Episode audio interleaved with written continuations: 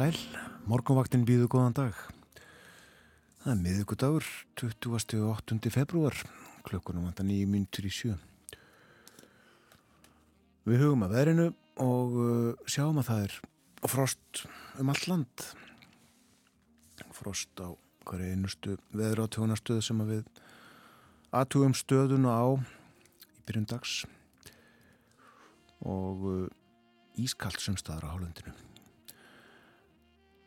meira um hálundið á eftir en uh, það var þryggjastega frost í Reykjavík klukkan 6 skíjað, hægur vindur handaði aðeins á austan. Áttastega frost í Stafóldsei norðustan fjórir þar. Fimmstega frost í Stikisólmi austan fimm. Fjórastega frost á Patrísfyrði og fimmstega frost í Bólingavík hægur vindur á báðum stöðum áttastega frost á Holmavík söðvestan fjórir Nýjustega frost á Blönduósi og sunnan 6 þar. 6 stega frost á Söðunisvita og Nánastlokn og 5 stega frost á Akureyri og Nánastlokn. 10 stega frost sjáum við eh, á Svartarkoti og eh, hægur vindur suðustan 2 metrar. 6 stega frost á Húsavík, 8 stega frost á Rauvarhöfn og 5 stega frost á Skeltingstöðum 6 steg af frost á eilstuðum, skíð á eilstuðum, suðvestan 3 metrar, 2 steg af frost bæði á höfni og hornafyrði og á kvískerjum, 3 steg af frost á kirkibæðaklustri. Hitturuna við frostmark á Stórhauða í Vestmanægum, eh, hægur vindur þar, núlið er blátt. Og 5 steg af frost í Árnesi. Og uh, þá hálendið, já, átjónstega frost á hverjaföllum hægur vindur þar. 11 steg af frost við Káranhjúka og í Veiðvatnarhaunni og 9 steg af frost á Holtavörðu heiði logg á heiðinni háu svona virðaði klukkan 6 og þá að horfunum. Það er gert ráð fyrir hægri breytilegri átt í dag. Víða dálitil jél en norðvestan 8 til 13 metrar á sekundu með austurströndinni fram eftir morgni verður svo norðaustan 5-13 metrar og lítilsáttur snjókoma söðaustan til setnipartin. Það er allmikil lægð skamt norðaustur af Jan Mægin sem að reyfist norður og önnur heldur veigamenni djúft söður í hafi sem að reyfist til norðausturs. Og það eru þessar tvær lægðir sem að stjórna veðrun í dag en af því að það eru fjari landi þá eru vindar hægir og dálítil jél á við og dreif eins og nefnt var. Á morgun verða svo norðlægir vindar og rofar heldur til sunnanlands. Gert ráð fyrir 5-13 metrum á sekundu og uh, jæljum annar staðar en sunnan heiða og frost á bylunu 0-12 stig kaldast í innsveitum norðarlands en það gæti verið sumstaðar frostlust með söðurströndinni að deginum. Og verið með söpuðum hætti á förstu dag norðanátt og kallt viðast hvar Það verður áfram kallt í veðri uh, um helgina. Hæg breytilega átt og víða létt skíjað á lögadag það er þá hæðar ryggur frá Grænlandi sem að tegja sér yfir landið og veldur því. Ágættis veður en uh, svo hægt hlínandi veður á sunnudag og mánudag. Og uh, mér sínist uh, hvassveri og regning á leiðinni í næstu viku og uh, það er þungvært á Möðurdalsöðrafum og þæfingsferð á Mývasheiði og frá Mývatni að Vegaskarði. Það er þæfingur líka á Siglufjörðavegi í almenningum þæfingur á Þröskuldum og uh, annar staðar á fjallvegum Snjóþekja Víða allavega og uh, hálka líka á vegum. Skoðum þetta alls saman betur á eftir En uh, já, 20. og 8. februar í dag, uh, oftar en ekki er þetta síðast í dag úr februarmánaðar. En það er hlaupar í ár og uh, við fáum 20. og 9. februar á morgun hlaupársdag. Já, en tveir dagar eftir af februarmánuði. Það er ímislegt á dagskrá morgunvaktarinnar í dag. Við ætlum að tala eins um bíla og bílasölu. Eh, hjá okkur verður Egil Jóhansson, fórstjóri Brimborgar. Við ætlum líka að eh, tala um lífið og tilvöruna í Ásarreppi. Þar er Valtýr Valtýrsson, sveitastjóri. Og eh, þar á bæ eru menna velta fyrir sér að það gæti verið gott að saminast öðrum sveitafélugum. Fyrir betur yfir þetta á eftir. Og Borgþór Argrímsson verður með okkur líka. Segir okkur frá einu og öðru í dönsku þjóðlífi. En við hlustum á lag. Emil! Strákskratti!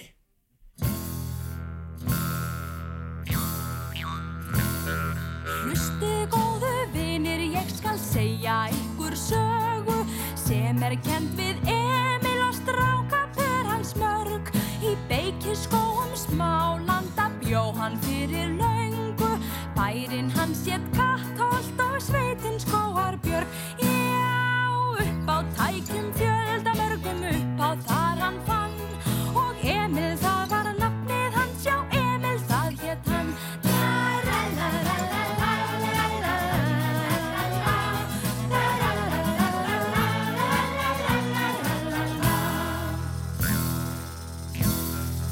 Hlusti góðu vinir, nú skal sögu af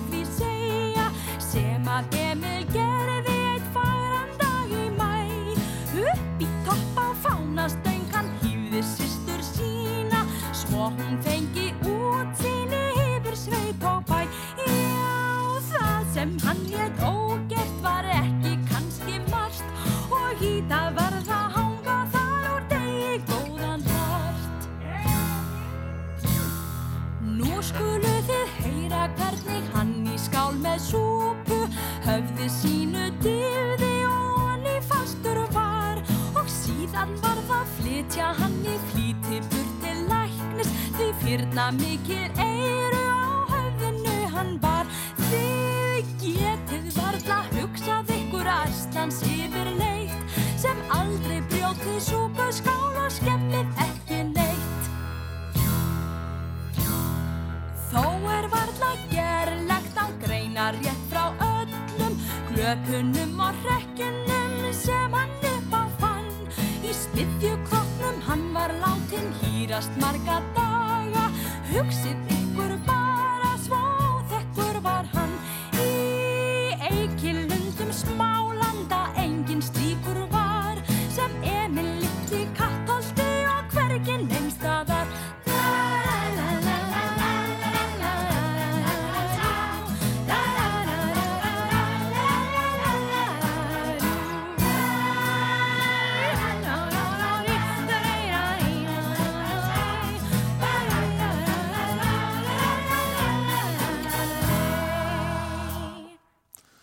Dittu söng Hlustið góðu vinir, lægið um Emilí Kattolti. Höfundur þess, Georg Ríðel, tónlistamæður frá Svíþjóð, uh, lést á sunnudaginn, var þá uh, nýraður. Já, frá Svíþjóð, uh, bjóð þar frá fjóra ára aldri, fjölskyldan flúði nazistana frá Tjekkoslovakíu á sínum tíma. Þau voru súdetar og uh, Georg Ríðel í uh, fremstu röð uh, sænskra tónlistamanna, uh, einhverjum jazzista, spilaði með vinni sínum Jan Jóhansson og samti líka lög til dæmis tónlistina við kvikmyndina sem gerðar eftir æfinturum Astridar Lindgren um Emil og þeir Jan Jóhansson sömdu svo lögin um línu landsokk eða við mynd um línu. Það komið að fréttum hjá okkur á morgunvaktinni.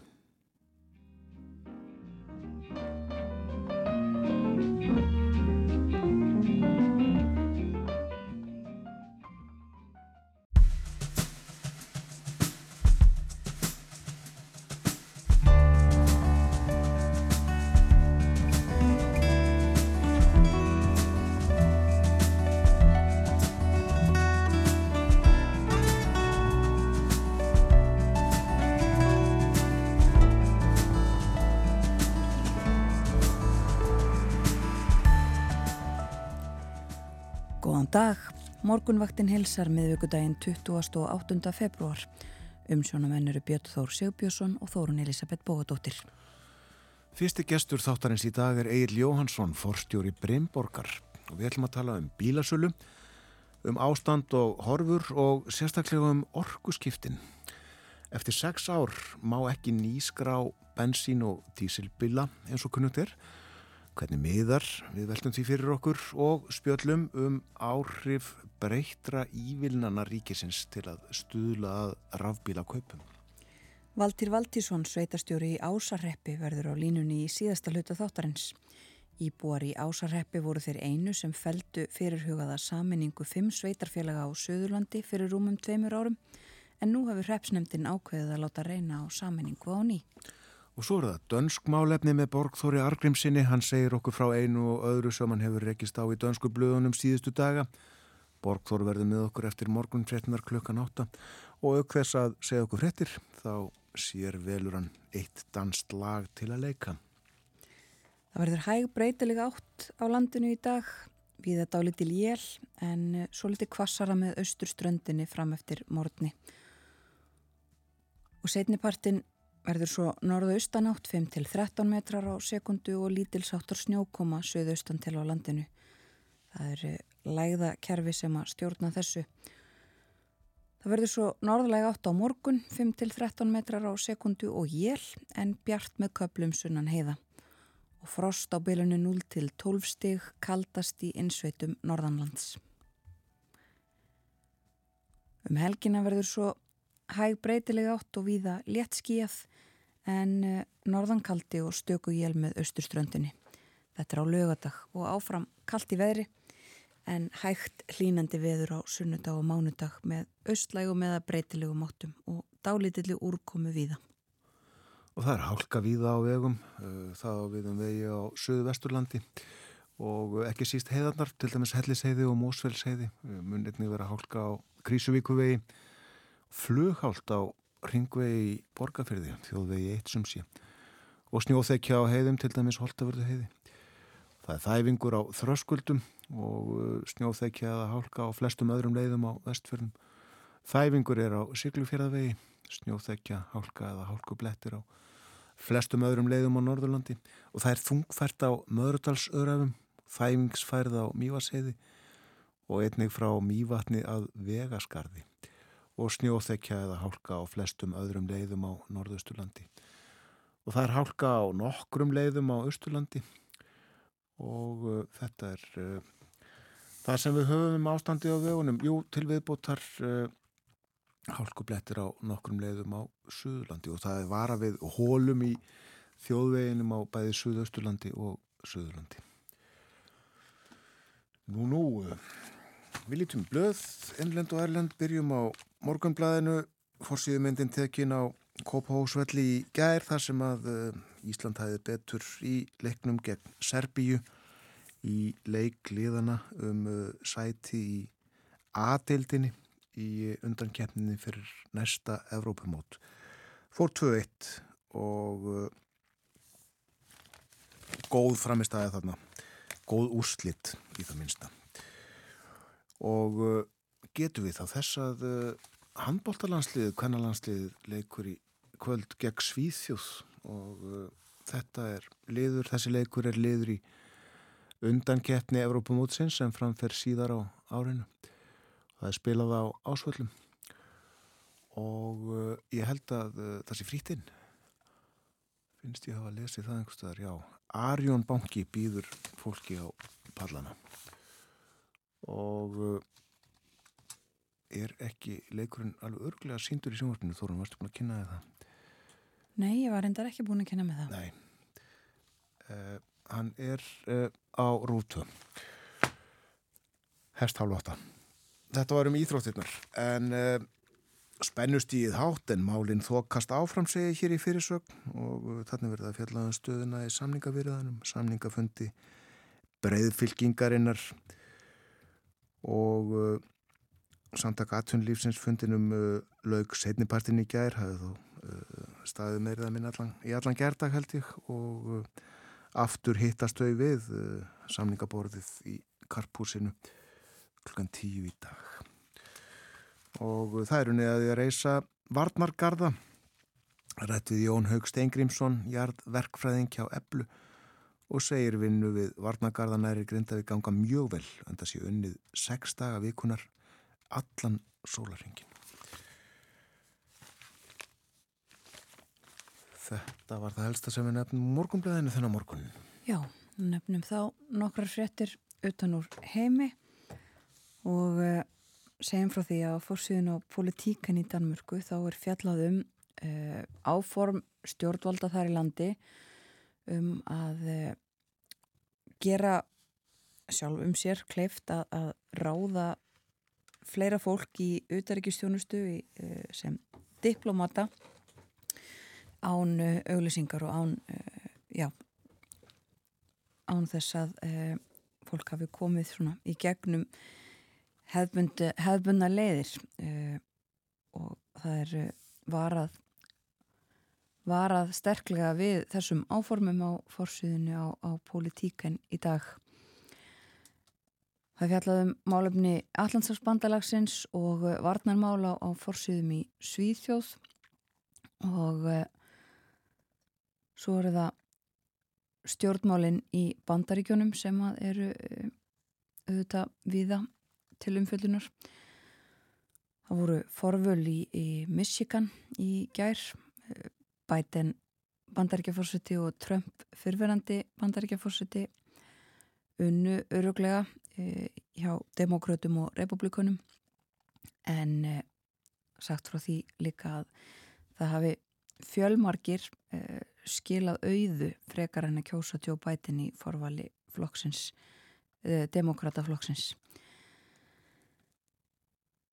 og það var eh, meðal annars hvað eh, til þess vegna afstöðu bandaríkja fórseta uh, til málefna Gaza. Og uh, á fórsíðunni á Washington Post í dag í bandaríkjunum er fjallaðum þetta en líka uh, er fórsíðu frétt um stöðu efnagasmóla í bandaríkjunum.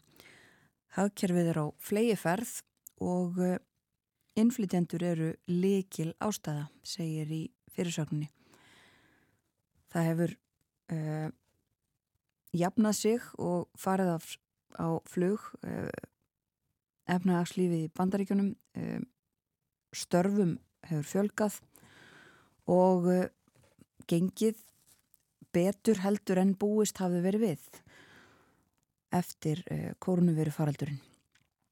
Og sagt frá því að þetta hafi lagast verulega og breyst uh, undanfarið ár og um helmingur uh, hagvakstar sé uh, vegna fólks sem kom til bandaríkjana á milli janúar 2023 og janúar 2024 til þess að vinna.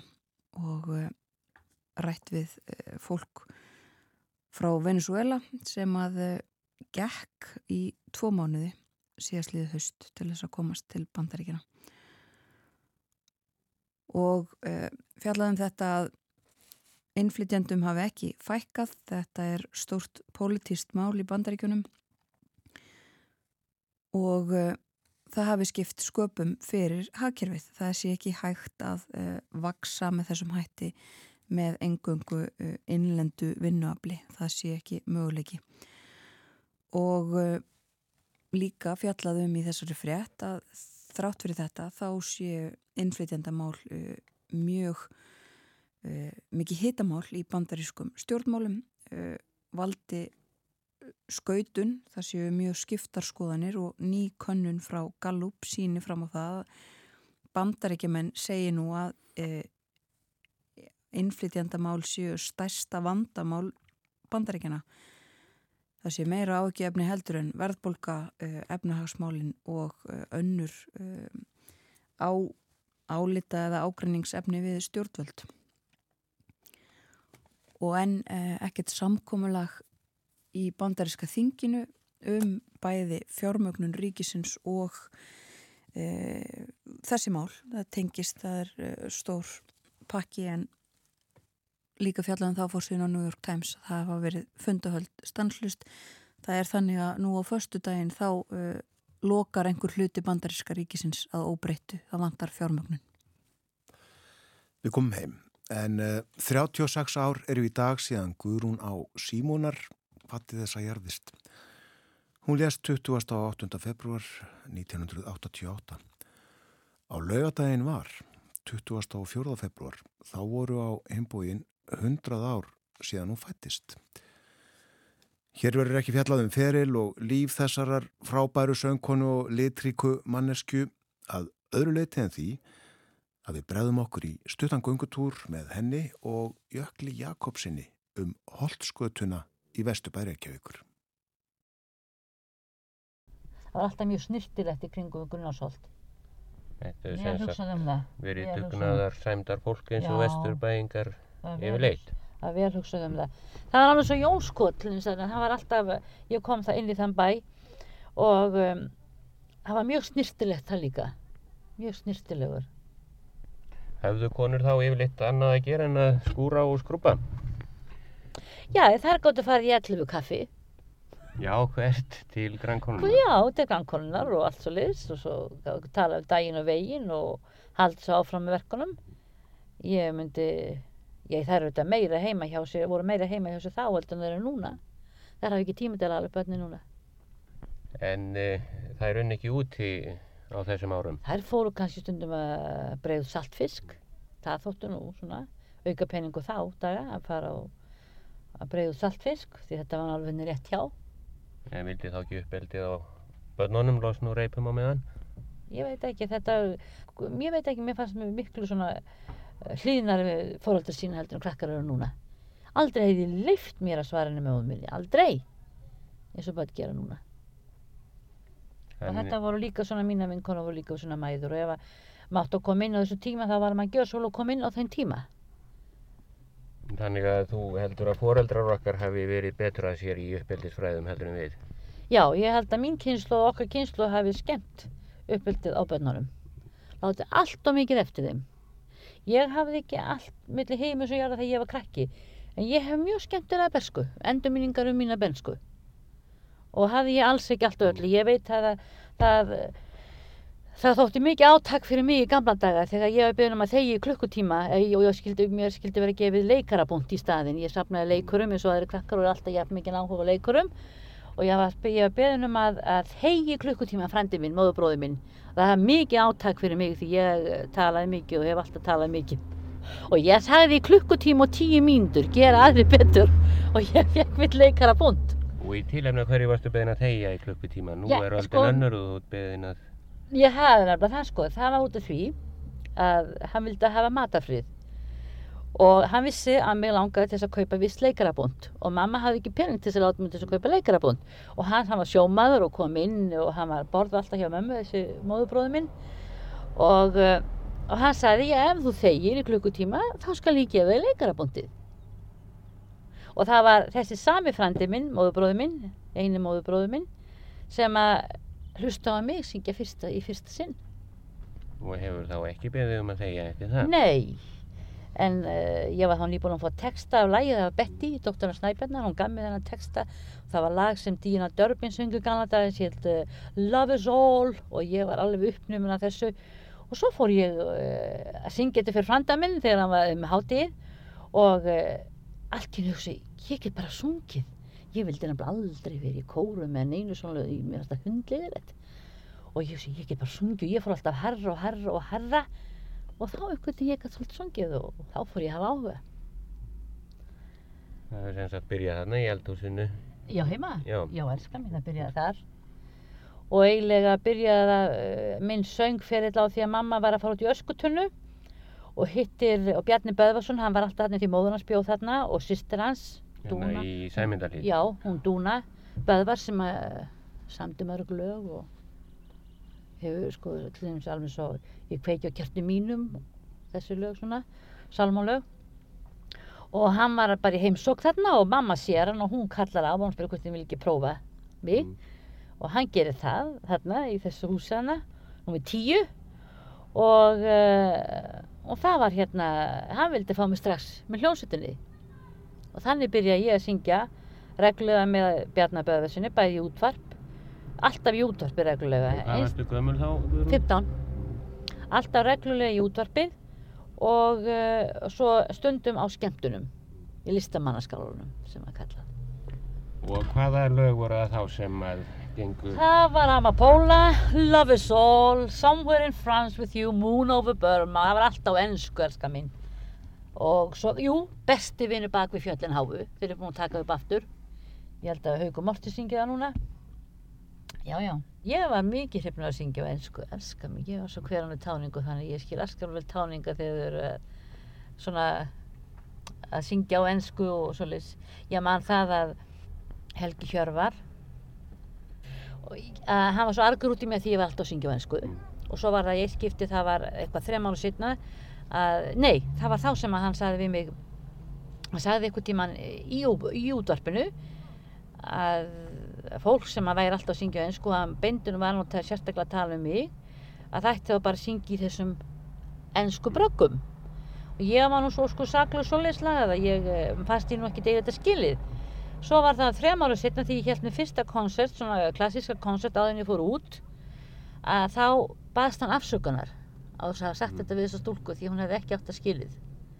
Að því ég var nú ekkert að heimsækja braggana eða neitt svoleiðslega í sambandi við að syngja fyrir þá eða svoleiðis En uh, söngst ekkert fyrir þá? söngi fyrir þá? Jú, ég söng sko fyrir þá en þá var ég bara inn í minni eigin íbúð. Það var þannig að við vorum fimm stelpur sem vorum alltaf saman og þar var Betty, dóttir Snæbjarnar líka. Það var Ásta, það var Hulda, Unnur ég. Jú, við vorum fimm og þær uh, passuðu alltaf upp á það sko, þess að við mig sko, þegar hermenni byggu í Írhúsinu sem var þá svo löpuðu þeir alltaf hérna niður holskutuna og alveg niður á sjó og voru að fá sér göng og svona því það var ekki mikið fyrir þá að gera hérna því að stríðið var ekki beint í fullu gangi hérna. Nema það að það inn í íbúðinu þá passuðu stelpann og uh, stiltu mér upp fyrir gluggan og svo byðum við að Herma gengi framhjá. Og svo þegar að það sáu Hermann koma þá sagði þær, Gunna, byrjaðu, byrjaðu svo skott og svo byrjaði ég að syngja There are two eyes, such blue eyes are smiling at me. Það, og það var lagið til eins og Somewhere in France with you. And yours till the stars lose the glory. Það var þessi lag til dæmis. Og Moon over Burma og Amapola og Love is all. Og uh, mjög mörg fleiri lög og bestu vinnu baku fjöldan háu en við sungum alltaf á ennsku þegar þeir gengur fram hjá og þeir þetta snar stoppuðu og fóru að hlusta fengu þarna gratis koncert og ég söng og söng og söng. Og uh, þangað til að þeir þangað til að, hérna, að, uh, að þeir fóru. En þeir voru þarna lengi fyrir utan svoleiðis að hérna, þetta gæti litið illa út. Fyrir fólk sem að kannski leit bara út um gluggan og svo hermannina fyrir utan gluggan hjá mér. Æ, Guðrún á Símunar í Götunni minni þætti Jökuls Jakobssonar frá mæmánuði 1971. Í tvígang nefndi hún lægið Love is All sem Diana Durbin söng. Hlustum á það.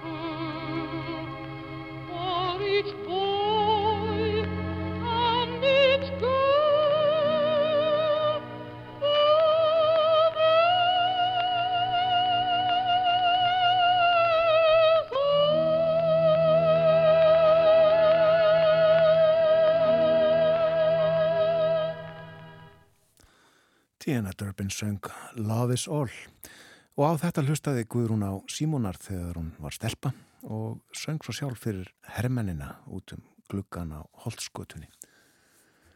Og hlustum þá þessu næst á Guðrúnu syngja. Hér er kötturinn Kiki.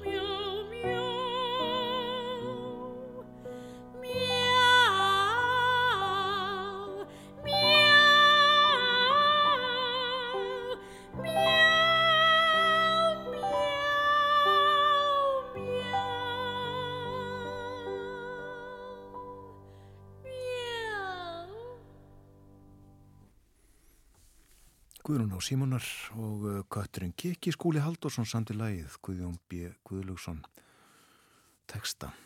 Það var Guðrúna Kristjánsdóttir sem að leka á píanóið. Örfá orð um Guðrúnu á Símonar og brotur samtali þeirra Jökuls áröldið þeirra um Holtskötuna í Vesturbæri Reykjavíkur í februar 1971. Það eru 36 ár í dag síðan Guðrún og Símuna lést og á lögadaginn síðasta voru 100 ár frá því að hún fættist. Það líður að yfirleiti morgunfrétta hjá okkur hér á morgunvaktinni. Það kemur eftir einu og halva mínútu. Svo ætlum við að ræða um samgöngur, orkuskipti og bíla. Egil Jóhansson, fórstjóri Brymborgar, er að koma sér fyrir hjá okkur.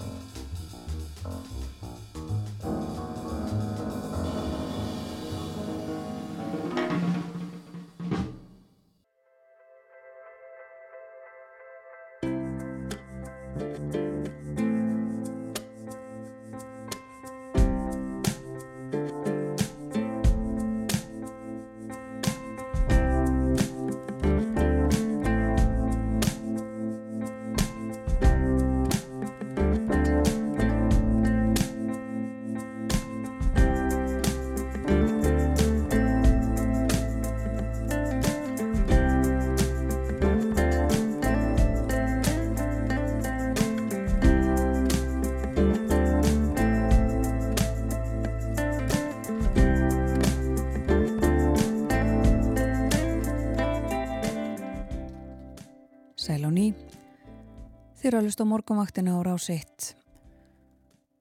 Klukkan er liðlega hálf átta og það er miðvíkudagur í dag, 28. februar. Og við lítum aðeins til veðurs. Það er all mikið lægð skamt norðaustur af Jan Mægin sem að hreyfist norður en önnur heldur veigaminni lægð djúft suður í hafi og hún hreyfist til norðausturs. Og þessar tvær lægðir stjórna veðrinu í dag en þar sem þær eru fjarr í landi eru vindar hægir og dálítil jél á víð og dreif. Úrkomu svæði fylgjandi minnilegðinni gæti valdið snjómöku um tíma söðaustanlands í dag og það er frost víðast hverjum landið. Á morgun verða norrlægir vindar og rofar heldur til sunnanlands en á förstu dag tegir sig vaksandi hæðarhyggur frá grænlandi yfir landið. Þá lægir og léttir víða til. Áfram verður talsvert frost í öllum landslutum en sumstaðar frostlust með söðurströndinni að deginum. Frostið getur náð 12 stegum í innsveitum norðanlands næstu daga. Það verður svo áfram eh, kallt og eh, hægviðri á laugadag en eh, snýst svo í austlægar áttir á sunnudag og mánudag víðadáli til úrkoma þó lengst af þurft vestanlands og hægt hlínandi veður. Og við minnum á það að eftir morgunfréttinnar klukkan 8 verður Borgþór Argrímsson með okkur hér á morgunvaktinni. Hann fer yfir það sem er efst á baui í Danmörku þessa dagana. Ímislegt uh, á dagskráni þar og í síðasta luta þáttarins þá ætlum við að slá á þráðin til Valdís Valdíssonar. Hann er sveitastjóri í Ásarheppi og uh, það var tekin ákvörðunum það og fundi repsnefndar Ásarheps á dögunum að ósk eftir fundi með nágranna sveitafélögum um mögulega saminningu. Ásarheppur var eini, eina sveitafélagið af fimm sem að hafnaði saminningu sem að í kostningum sem voru haldnar samhliða sveitastjórnarkostningum. Nei, alþingiskostningar voru það en eh, nú á að taka upp þráðin og kannamálið. Nú ætlum við að fjalla um samgöngur og bíla en eh, bann við nýskráningu bensín og dísilbíla tekur hér gildi 2030 og frá með því ári þá skulur sem sagt allir nýjir bílar, þar að segja fólksbílar, vera knúnir rafmagni, nú eða vettni eða metani eða öðrum orkugjafa sem ekki er sóttur í jörði. Þetta er sjálfsagt með áþrjámanlegri lofslagsaðgerðum stjórnvalda, svo sem að við finnum eða munum finna einna helst fyrir. Það voru teknar upp ívilnanir til að greiða fyrir kaupum fólks á rafbílum og við það lækkuðu þeir tölverti verði en síðan hefur eitt og annað verið gert af hálfu yfirvalda sem hefur þokað verðinu upp. Hér hjá okkur á morgunvaktinni er Egil Jóhansson, forstjóri bílaumbóðsins Brimborgar. Egil var hér fyrir umtabil einu og hálfu ári og við spjöldluðum þá um ástand og horfur og gerum það aftur nú. Velkomin til okkar. Takk fyrir. Sko ef ég mann rétt þá varstu hæfilega bjarsýtna á að þessi umbreyting, orkuskipti í samgöngum myndi ganga þokkalega liðilega og þægilega en ég veit að nú lístir ver á þetta alls saman. Já, ég er enn, ennþá bjarsýtn um að rafbílar munu taka yfir. Þetta er bara spurningu um tíma. En það er svona freka blik, blikur á lofti núna og hægst alveg umtalsvert á nýskráningum á rafbílum á þessu ári hvers vegna er það? Ef við byrjum á því bara að, að þú segir að, að blikur sé á lofti. Já, og við náðum ákveðnum ánangri í fyrra og það var um 50% af nýskráningum í held voru rafbílar sem var það besta sem við höfum náð. En undanfarið tvö áramót hafa verið innleitar aðgerðir sem eiginlega beinlinis vinna gegn orkusskiptunum og við líst þessu sem átta aðgerðum og núnum áramóti voru nokkrar sem bættust, bættust við, erum við samtals átta og áraðið byrjaði ágætlega, fyrstu tvær vikurnar voru góðar, en það er svona venjan í bílabræðsanu, það er oft nýskráningar bílum sem eru seldir í desember en fólk vil fá nýja miðan á númerinn svo í þriðju viku þá bara dettu bottin úr þessu og þetta hefur bara ekki verið neitt núna síðan þá og út februar. Og viltu meina að uh, það sé vegna breytingarna á fyrirkomuleginu?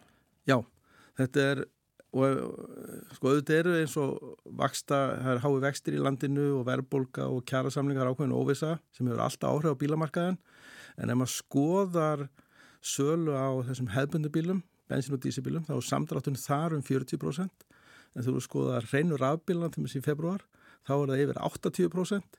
Þannig að, jú, kannski helmingurna samdrætturum á reykja til efnagsatriða en algjörlega umfram rafbíla samdrátturinn er algjörlega út af þessum aðgerðum og þessum samanlögðu aðgerðum. Já, förum aðeins yfir þær.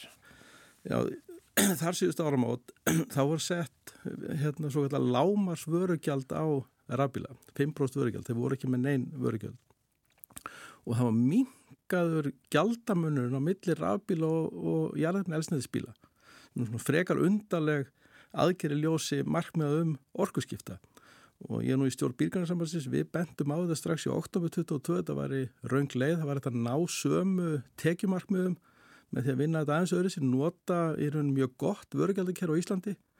Það var ekki gert. Síðan hérna er, er hérna byrjagjöldin hækkuð um þessi áramót líka. Úrvinnslu gjaldsett á raflöður rafbíla. Og svo núnum áramótin þá er ívilnunin virðisaukarskast ívilnunin feld niður og ívilnunin á útlegu bílalögu bíla hjá bílalögum, er rafbílum, er hérna feld niður líka, þar að segja virðisaukir bara leggst að fullu á útleguna líka. Og svo kemur hérna er innleitt nýtt kerfi gegnum orkusjóð um hvernig átt að sækjum styrk. Það er 32% læri styrkur. Það er floknara kerfi, gerist ekki bara við sölumann, sölumanns borðið heldur þetta að sækja um það. Og svo er sett hámarka á verði 10 miljónir og svo kemur róttökið kilometragjaldið og þegar við leggur þetta allt saman þá er þetta sem er að stoppa okkur skiptin og þetta er eiginlega þannig aðgerðir það liggur við þetta er eins og einhver hafi sest niður hvernig geti stöðvað orkurskiptin já þetta er málið. Og það er búið stöðvað orkurskiptin Stór orð. Eh, bara svo við tökum eitthvað út úr þessu uh, kílometragjaldið, er ekki sjálfsagt að rafbíla eigendur borgi eitthvað uh, til ríkisjóðs eins og uh, eigendur uh, bensínbíla og, og dísilbíla gera í gegnum kaup á uh, eldsneti? Algjörlega. Og með þess að þessi samtök sem ég er í bílgrænarsamband og samtök vestan og þjónustu við mæltum alveg með að einhvers konar kílometragjald er þið tekið upp. Þetta er spurningum tímasetninguna að þegar þú ert í þessum rosalega stóru umbreytingum, orkuskiptunum í vegarsamgöngum, þá þarf það að ná ákveðnum svona mómenti til þess að þau stopp ekki. Og svo innleður þau svona aðgerðir. Þetta var gert ofsnemma, engung á rafbíla og tengiltilnbíla, þannig að tímasetningin er raung, mögulega of hátt kilometragjald, en það eitt og sér er ekki endilega málið sem endaðan, heldur er það summa þessar 8-9 aðgerða. Einmitt. Og uh, uh, þið uh, hjá bílaumbónum og, og eftir aðtökum bílgrunna sambandi hafi varað við þessum breytingum og uh, bent stjórnvöldum á að þær myndu leiða til þess að, að, að dregur úr viðskiptum, dregur úr kaupum á rafbílum. Já, bæði skriflega og munlega og ídregað og þetta er alltaf ganga eftir sem við bentum á og þó góða eitt að stjórnvöld hafa gert eitt og Guðlöð Þór Ungurinsráðar hann setti í ganga ákveðna vinnu með samtökum aðtunulífsins það sem er einmitt eh, þessi samtök sem ég er í. Og það við settum á vinnuhópa, þú settir 11 vinnuhópa til þess að vinna svona vegvísa í orkuskiptum í alls konar aðtunugreinu og ég var einmitt í þessum með fyrir vegarsamgöngunar. Og svo er sjálfsreiktur að finna upp hjólið því að öll Norrlöndin er búin að gera þetta byrja fyrir Danmörk, byrja fyrir hérna 2012 og mörg Európa-land hafa gert þetta. Því að atvinnulífið þetta mun og leikur og svo stort leikilhutverk í að skipta hérna, og taka þátt í orkusskiptunum þannig að þessi vinna var mjög góð. Við skilum alveg ítalir skýslu fyrir vegarsangungunar í 7. júni í fyrra með 80 blæsina skýslu með yfir 80 aðgerðum. Og í öllu þessu ferli höfum við bent á þetta bent á leiði til þess að flýta orkusskiptunum bæði þarna í oktober 22 og í fyrra og aftur í nógumber hittu við vinnuhóp sem var að vinna úr þessum tillögum og ítrekka núna nógumber, desember og inn í janúar en engin árakur. Nei, en uh, er alveg sjálfsagt eigill og uh, jáfnvel nöðsilegt að þínu mati að uh, ríki niðugreiði rafbíla? Uh, ef þú horfir á kannski fyrst hvernig það kemur til í upphafi að stjórnvöld setja sér þessi markmið um orkuskipti og við skrifum undir alltfjóðlega skuldbyttingar um að draga úr losun og það er alveg, það er bara staðrænt að jörðin er að hitna mikið, við þurfum að draga kóliðslosun og á Íslandi vega bíla eða vega samgöngur rosalega hátt. Það er 33% af losun sem er að beitni ábyrð Íslands og þá er það svona eiginlega svona stærsti þátturinn sem við þurfum að hérna, hérna, fara í. Rafbílar eru í dag svona 40-45% dýrari í framleyslu heldur en bensín og dísibílar. Þeir voru kannski fyrir 5-10 árum 100% dýrari.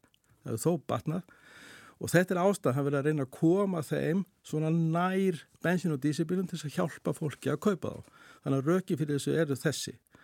En það er ekki beinleins verið að taka skattpenninga, það eru, raun, það eru gjöld á rafbílum og bensínbílum og það eru vera að færa gjöldi niður á rafbílunum og vegna þess að þeir eru með, þeir eru með herra yngversverð og ég bara reknaði núna daginn eftir þessa breytingar að rafbíl sem er svona 7-8 miljónar krónur í útsölu að brútt og þegar hann er fluttur inn í vörugjöldum og virðursökin sem stjórnil fá það er 2 miljónar á báðum bílunum þannig að það er sömu tekjur sem stjórnil fá en svo er 900 krónar styrkur núna. Þannig að stjórnil fá 1,1 miljónar á rafbílunum en 2 miljónar á bensinbílunum en það er ekki eins og að sé verið að borga með þeim. Þeir bara fá minna af þeim og verið að jafna hennar mun. Þú segir að uh, fyrir nokkrum árum uh, þá var uh, framleiðsla rafbíls 100% dýrari heldur en bensinbíls og þetta komi núna í, hvað 40-45% mundi ekki lækka, munir minga enn frekar á næstu árum? Jú, og það er og það, þetta er bara dæmi, stóri náttúrulega kostnæðaliðurinn í rafbílum er batterið og árið 2010 kostaði kílóastundin í batteríi 1200 bandarækjadólara árið 2020 var hann komin í 150 það er 90, næstu 90% samdráttur. Núna er hún cirka í, þetta er svona tölur frá Bloomberg í 139 dólarum. Og það er talið að ef hún kemst í svona 75 til 90 dólara þá sé komið parity við bensin og dísibílin og það er ekkit óleiklegt að það sé að gerast í kringum 2027-2028 og um með bent stjórnvöldum horfið á þetta þau eru með innflutnings verðið á öllum bílum í tollakerfunum sínum, siffverðið, berið það bara sama við bensínverðið og hafið í ívelunum þannig að ekki þetta ívelunum mikið en rétt, þannig að geta, geta hraða orkusskiptunum. Og þá komum við þetta að þessu spurningu, sko, viljum við hraða orkusskiptunum, þá þarf að íveluna, en viljum við láta orkusskiptin ganga bara svona á náttúrulegan hátt? Og þá þurfum við ekkert að ívilna. En þá tekur þetta 10, 15, 20 ár. Eh, Hvar eru aðrar þjóður eh, samanbyrjað þjóðir statar á, á leiðsinni eða svipu eða sambaralegu markmiði? Eh, Noregur er lang, lang fremstur og törðuna fyrir 2003 hjá þeim var að þeir voru konur í 82% af nýskráningum fólksbíla sem reynir rafbílar. Í janúar á þessu ári þá jökust nýskráningar á þeim um 281% og í janúar er 92% rafbílar og þeir stefnaði um næsta áramót að banna nýskráningar bíla, uh, hérna jarfnelstins bíla og engungu þá rafbílar. Fimm stöndun okkur? Já. Já og bæði fólksbílar í flokki M1 og léttir sendibílar flokki N1 við erum þetta stefnum líka að banna bæði M1 og N1 og ef við erum saman með önnur Euróblönd að eins og í janúar þá jógst rafbílasala eða nýskráningar rafbíli í Evrópu um 29% með þá EFTA og, og Breitlandi og það eru land það sem er konar að hæla á okkur. Ísland hefur verið í öðru seti í hluteld rafbíla nýskráningum á eftir Núriði Danmörk í janúari, nei, í, í janúar 35% þannig að þeir eru alveg að taka okkur allarsætið Svíjarnir í 29% Eh, Hollendinga konur í 25% þannig að þetta er á fullu í Európa út um allan heim. En hvernig er hvatakerfið uh, eða ívillunakerfið í til dæmis Noregi? Það hefur verið mjög svipað okkar. Þegar að verið með svona virðsökarskast ívilun og alls konar aðra til mig sem eins og forganga á, á strætóleiðum. Uh, þegar að verið með lægri þeir notur mikið vegatólla í Noregi og þú borgar lægri eða enga vegatólla á starfabíl þannig að þeir að verið með fullt af svona hlutum og líka fyrir ferjur og og strætisvagna og, og rútur og alls konar svona. Og, og það er áhverð að þeir hafa ekki kvika frá þessu þó þessu konir í 80-90% þá er þeir byrjar að huga að því núna að taka yfirlæðanar út. Ekki búin að því. Og þetta er alveg stórt og erfitt verkefni. Og ef þú ert með svona krefjandi markmið þá þarf þetta að vera um krefjandi aðgerðir. Og þeir virðast kunna þetta. Ólíuríki Norrögur, Oljuríki Norrjöfur fremst í flokki þannig. En, en uh, kerfin í Danmörk og Svíþjóð, eru þeir líka, líka svipuð hér? Sko svíja reyndar tóku af íflanir í, í haust og hérna en kannski muninu þar er að þeir eru hér en ekki mennin gjöld á bílum, þeir náttúrulega framleiða bíla og hafa ekki verið með gjöld á bílum. Danir aftur á móti hafa verið með íflanir fyrir rafbíla en þeir eru líka með mjög hágjöld, delti svipa á Norrögur, mjög hágjöld á jarðefnælstinsbílum en hafa verið að auka þann mun aldrei eins og normenn gerur. En þeir eru, Danir byrjuður en setna heldur en normenn en fóru mjög bratt að stanuna fyrir svona tveimur, þreimur ári sáma vöxtin hjá þeim. Já. En í ljósi þessa alls, hvernig eh, heldur þetta munið þróast á næstu árum? Eins og ég segði hann, rafbíla munu án ef að taka yfir og hvort sem það eru fólksbílar og sendibílar, uh, tæknin er komin á svo mikið skrið, vörubílarnir að byrja, ég meina það, það voru fluttirinn, nei hérna 17 rammarsvörubílar í fyrra og við vorum með 14 af, af þeim. Uh, það mun halda áfram, rútuna mun koma aðeins setna og það sem við sjáum núna það er eiginlega bílabransin og batteribransin þeir eru að setja alveg gríðarlegt fjármagn í þróun. Og þegar við sjáum að þetta fjármagn fer í svona bransa þá kemur tæknin. Við munum sjá meiri dregni, þar sé meiri rýmd í batteríunum, gefa meiri orku, við munum sjá meiri hlæðslu hraða og samlega þessu munum við sjá léttar og minni batteri því að það eru verið ein, eitt vandamáli þegar það verið of þungir sko. Og ég myndi segja að við erum að sjá alveg bylting á næstu fimm árum jafnvel mikla næstu tveimur, þreimur árum. Og svo þetta þá vorandi á endanum kemur þessi þróun í lækkuðu innkaupsverði eða framlýslukostnaðu og þá innkaupsverði sem mun gerast.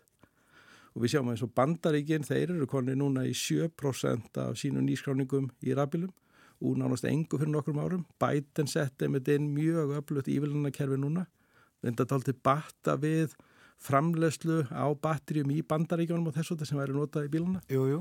kynverðarnir komir alveg gríðara langt.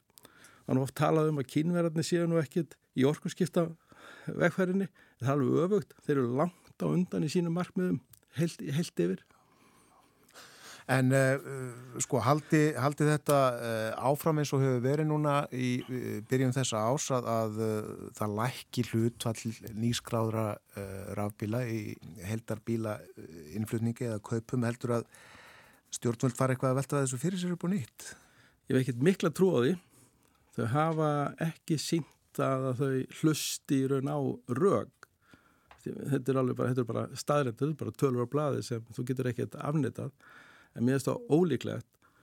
Þannig að það er eins og bara líka við að sko fjármálaráðurann sé í raun orkuskipta ráðurann, þú segir að allar þessar aðgerðir koma allar á fjármálaráðundinu en ábyrða orkuskiptunum er í umhverjus orku og lofslagsráðuneturu en þau nást ekki nema fjármunni fylgi. Þannig að kannski hinn raun raunverulega orkuskiptaráður er fjármálaráðura og hann er ekkert að vinna að orkurskiptum. Það er nú stundu verið sagt að ráður sem fer með fjármálinn, hann ráði nú eiginlega öllu. Nákvæmlega. Já. Við sjáum hvað setur ákveðum hér og nú að þú verður næst hjá okkur aftur eftir eitt og hálft ár. Þá er komið hvað höst 2025 og, og þá mun enn stýttast í að, að þetta nýskráningabann dísel og bensibíla gangi í gildi.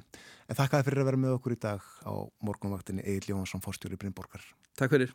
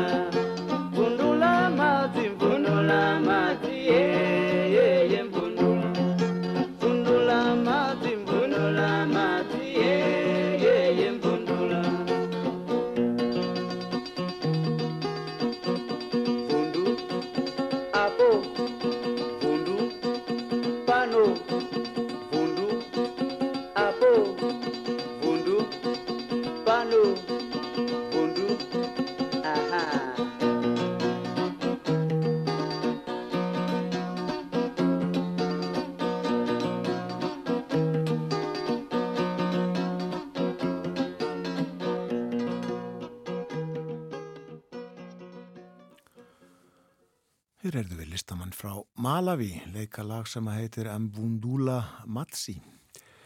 En uh, áðan satt hjá okkur Egil Jóhansson, forstjóri Breimborgar, hann flyttur inn bíla. Við vorum að tala um orkuskiptin framöndan. Ástand og horfur og uh, eins og hann fór yfir að uh, þá hafa stjórnvöld breytt þessu ívilnanakerfi. Það verið gerðar einar áttabreitingar sem að að mati Egils hafa verið til þess að dreigið hefur úr kaupum á rafbílum og uh, það dreigið talsvægt meira sem sagt úr kaupum á rafbílum heldur en uh, gömlu dísil og, og uh, bensinbílunum og hann vil meina að uh, ástæðan sé breytingar á þessu ívilnanakerfi. Það líður að morgum fréttum hér á morgumvaktinni. Þær koma eftir 5 mínútur sléttar. Að þeim loknum þá verður með okkur Borgþór Artgrímsson. Dönsk málefni eru á dagskráni hjá okkur eins og ofta á miðugudugum. Ímislegt sem að eh, er á dagskráni hjá Borgþóri. Og svo í síðasta hluta þáttarins þá ætlum við að heyra af lífin og tilvörun í Ásarreppi. Valdir Valdísson, sveitastjóri þar, ætlar að vera á línunni í síðasta hluta þáttarins. Ræðum líka um áformum sammenningar. Það er verið að skoða slík mál, mögulegan á því að sameina sveitafjölugin í, e, í Rangavallasíslu.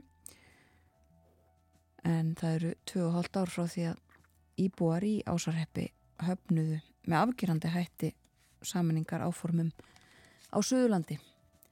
Meirum þetta hér á eftir en næsta dagskrá eru frettinnar.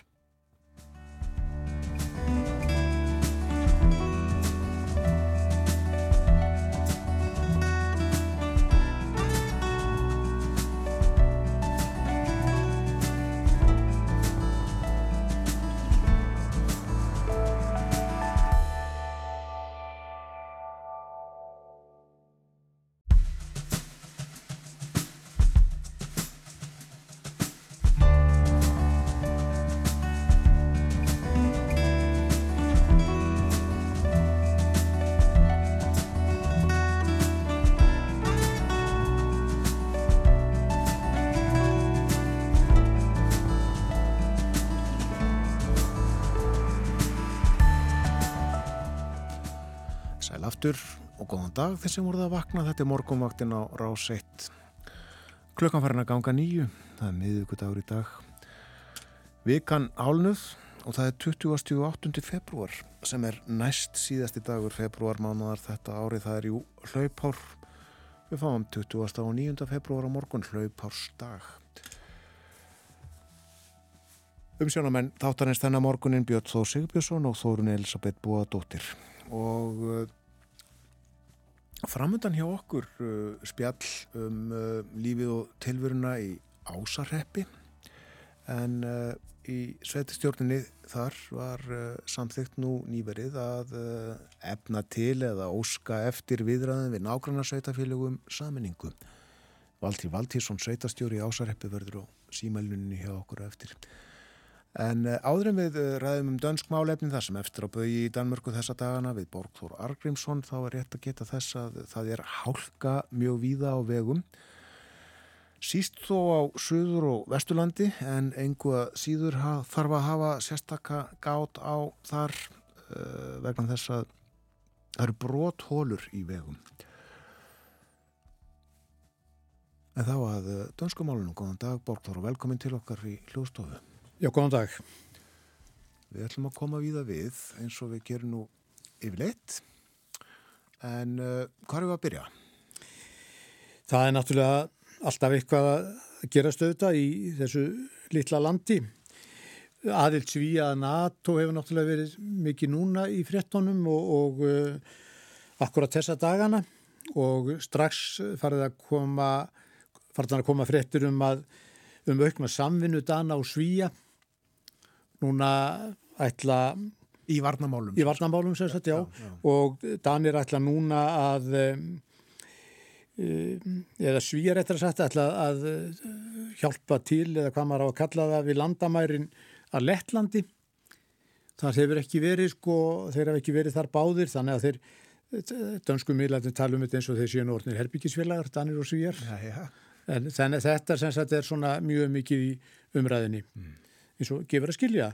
En ef við horfum nú svona meira til Danmerkur þá uh, höfum við nú margótt á þessum vettvangi rættum hækkandi sjávarstöðu og vandræði og áhyggjur í búana í henni flötu Danmörku. Og við höfum líka hérna áður rætt um svona aðgerðir sem að hefur verið gripið til. En í síðustu viku kom út skýrsla sem að ég held að margir hafi rokkið við þegar þeir sáu. Uh, Þetta er danska veðustofan og strand eftirlitið að unni þessa skýrslu og hafi nú svo mynd sem áður hefur verið dregin upp, verið dökk af því sem gæti gerst, þá er þetta sko alveg kolsvart og ég verð að segja að ég var nú bara marg lesa textan og skoða korti sem að fylgdi fréttinu um þetta á VF Danska Ríkisútvarsins DR. Nú þarf að fara svolítið ítalega í hlutina. Já, sko þarna kemur fram að í stormflóðum geti sjávarborð við Kaupmannahöfn hækkað um 5 metra fyrir utan öldurnar. 5 metra? Já, þetta er sko miklu herra en áður hefur verið talað um og, og þetta er ekki smáræði. Þeir svart sínustu spár hafa talað um 3,9 metra. Þannig er búið að bæta metra við. Þetta er álíka 5 metra, það er álíka og tveggja hæða strætisvagn, sagði danska útvarpi svona sem henn hefur nú eitthvað til þess að bera sér sama við. Og ef að ekkert er nú aðgert eða meira en það sem gert hefur verið þá er því tjónið alveg gríðalegt. Kastrup flugvöldunum fær á kaf, stór hluti amæður sömulegis og st- stór hluti víðófri sem er vestan við eh, kanalinn, eh, suðurhöfninu og þar og þetta er eins og ég segi sko, þetta er langdeksta myndin sem að dregin hefur verið upp að þessu sem að hugsanlega geti gerst. Getur sem sagt gest við einhverjar þekktar veðfarslegar aðstæðu sem að mögulega uh, koma og verða? Já, já, sko mennu núna farinir að tala um þetta sem gerist á 100 ára fresti, það getur bara orðið á 20 ára fresti og það verður allt sem sagt öll þessi viðmið það var svona færst til. Já. Við höfum áður um eitt uh, rætt um þessi mál, við höfum rætt um svona flóðavarnaveggi sem að þeir hafa ekki verið meðaðir, meðaðir við svona mikla hækkun og sjáaborðir það þessi Nei. skýrsla, já hún kallar líklega á ennþá Já, öflugri varnir. hún kallar á ennþá öflugri varnir en það er náttúrulega búið að setja upp flóðavarnagarða við Amægur, við sunnan við Amægur og þeir eru ekki næri svona háir en þeir eru hins vegar þannig að það er hægt að byggja ofan á það og ég held að það sé gert ráð fyrir því. Svo sá ég líka fyrir nokkrum dögum að bæjaráði Esbjörg sem er á vestuströnd Jótlands hefur ákveðið að þar skuli reistur tveggja kílometra langur varnarveggur inni í bænum uh, og til þess að vernda semst gamla bæjarhlutan. Það er halli þarna, ég nú, það geta nú ekki vel en það er svona halli upp frá, frá höfninni og sjónum og, og þarna, er, þarna á að byggja tveggja kílometra langan vegg og hann á að vera metri á hæð en það á að duga þó að, þó að um, sjáaborði hækkjum allt upp undir 5 metra þarna. Og hann Það- er líka þannig gerður að það verður þetta hækka hann ennþá frekar. Já, og það er Norðursjórin sem að, að, að þarna er að verki. Það er Norðursjón sem þarna er að verki og þar getur nú sko aldeilis blásið eins og margir vita. Dani kallaði þetta nú gætna vestirhafið en þetta er sem sagt Norðursjórin. Já. Já, eins og þú sagðir þá hefum við oft rætt þetta og, og ætli þetta hafi nokkuð verið í síðasta sinn sem við gerum það. Líklegt að við tölum um þetta áfram. Já, ég held að, og það er sko þó að, þó að stjórnmálamenn séu nú oft treyji til að, að samþykja peninga til eitthvað sem er nú ekki svona alveg sínilegt og kannski hangir ekki alveg yfir á morgun, þá er held ég mikil samstað um þetta meðal danskra stjórnmálamanna. Það er öllum ljós þessi bara gríðarlega hætta sem getur vofað yfir. Já. Við höfum líka margóft borgur rætt um málefni danska hersins og Já, já. uh, nú eru tíðindi þaðan. Það er ekki allt í lukkuna velstandi. Nei, það er nú sannarlega ekki allt í lukkuna velstandi, velstandi þar og, ótrúlega margt bara sem er að á þeim bæ og margt tengist náttúrulega skorti á peningum en það kemur nú svona fleira til, herin hefur lengi skort mannabla og núna undarfarið hefur þetta aldrei verið rætt um þessa reglu sem að herin hefur sett svona varðandi hæfni til að gegna hermennsku. Margar þeirra segja þingmenn eh, sem hafa tekið þetta mál upp margar þessar regluna úreltar. Til dæmis það að hermenn þeir verða að vera mist okkosti 1.55 á hæð þeir með ekki vera lesblindir. Og þeir með ekki vera með ADHD, jáfnvel þó þeir hafi ekki verið á livjum eða þeir eru skilgrendi sem slíkir þó þeir séu undir livjamörkunum eða hvað sem ánum að kalla það. Þeir mega ekki vera með kynferðislega frávik eins og það nú kallað Hvað sér? og sömulegis hefur það maki mesta aðtikli svona í fjölmiðlunum að konur með ofstór brjóst þær hafa til þess að ekki þótt hæfar til hermennsku. Er þetta í reglunum? Já, þetta er í reglunum. Og um þetta er rætt núna. En hvað er miða við í brjóstastarfið, svo stöldum við það? Ég, ég verð nú að segja að ég veit það ekki. En dönsku miðlarnir hafa nú kjamsat aldrei á þessu. Þó að þeir viti heldur ekki hana, skála stærðina sem er hámarkið. En nú verða reglurnar um hæfi hermennsku allar tekna til endurskoðunar og ég held að það sé þegar búið að tilkynna að þetta ákvæði um, um að e, þrýstin barmur hindri ekki unga konur í að verða eh, hermenn. Það hefur aldrei verið leið að þessu náttúrulega líka. Já, og við lefum okkur að gera það hér. En Já, já. Uh, sko, hefur þetta orðið til þess að, margir hafa fengið bara nei við umsóknum að gangi hérinn? Já, já, alveg fjöldi manns og ég sá nú núna fyrir nokkrum dögum þar sem voru viðtöl við fólk sem að hefur ekki komist í herinn. Til, til dæmis var þarna viðtal við bifílavirkja sem að kláraði allt sitt nám og svona en hann komst ekki í herinn. Nei. Þannig að og það eru mjög mý mörg dæmi um þetta. Já, það er ekki herskilda í Danmörku. Nei, það er ekki herskilda í þeim skilningi að, að, að það er dreyið úr uh, á, á, ákveðnum aldri, þá fer fram einhver svona dráttur eins og bara í, í haptrætti og þeir sem að koma þar upp, þeir, það er haft samband við þá. Og svo ef að það eru mjög margir úr þeim sem ekki geta einhvern luta vegna, þá er eh, bara dreyið aftur einhvern veginn, þannig fyrirkomuleg. Já, já.